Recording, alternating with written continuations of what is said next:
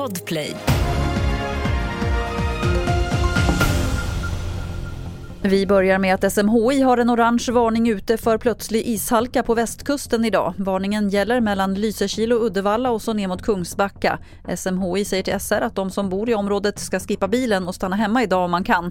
Varningen slutar gälla klockan 16 i eftermiddag. Över 50 människor har dödats i israeliska anfall mot staden Rafah i södra Gaza i natt enligt den Hamas-styrda hälsomyndigheten. Israels militär bekräftar på telegram att man anfallit vad man kallar terroristmål i södra Gaza. Där skriver de också att två män som hållits som gisslan av Hamas har fritagits. Så till Finland som fick en ny president igår, Alexander Stubb som leder det borgerliga samlingspartiet. Han vann med knapp marginal mot Pekka Haavisto som erkänt sig besegrad. Vår reporter Magnus Wennerberg är på plats i Helsingfors. Han är erfaren inom utrikespolitiken, både tidigare Europaparlamentariker, utrikesminister och statsminister och beskrivs som väldigt kunnig och kompetent. Men att hålla huvudet kallt inför de prövningar som nu han lär kunna komma att ställas inför och kanske också nu prövas av Vladimir Putin som flera forskare har bedömt är ett tänkbart scenario. Det är klart att det här kommer bli utmanande.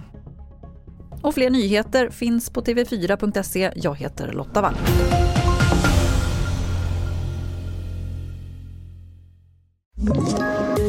Poddtips från Podplay. I podden Något Kaiko garanterar östgötarna Brutti och jag, Davva, dig en stor dos skratt. Där följer jag pladask för köttätandet igen. Man är lite som en jävla vampyr. Man har fått lite blodsmak och då måste man ha mer. Udda spaningar, fängslande anekdoter och en och annan arg rant. Jag måste ha mitt kaffe på morgonen för annars är jag ingen trevlig människa. Då är du ingen trevlig människa, punkt. Något Kaiko, hör du på Podplay. Därför arkadeinerna.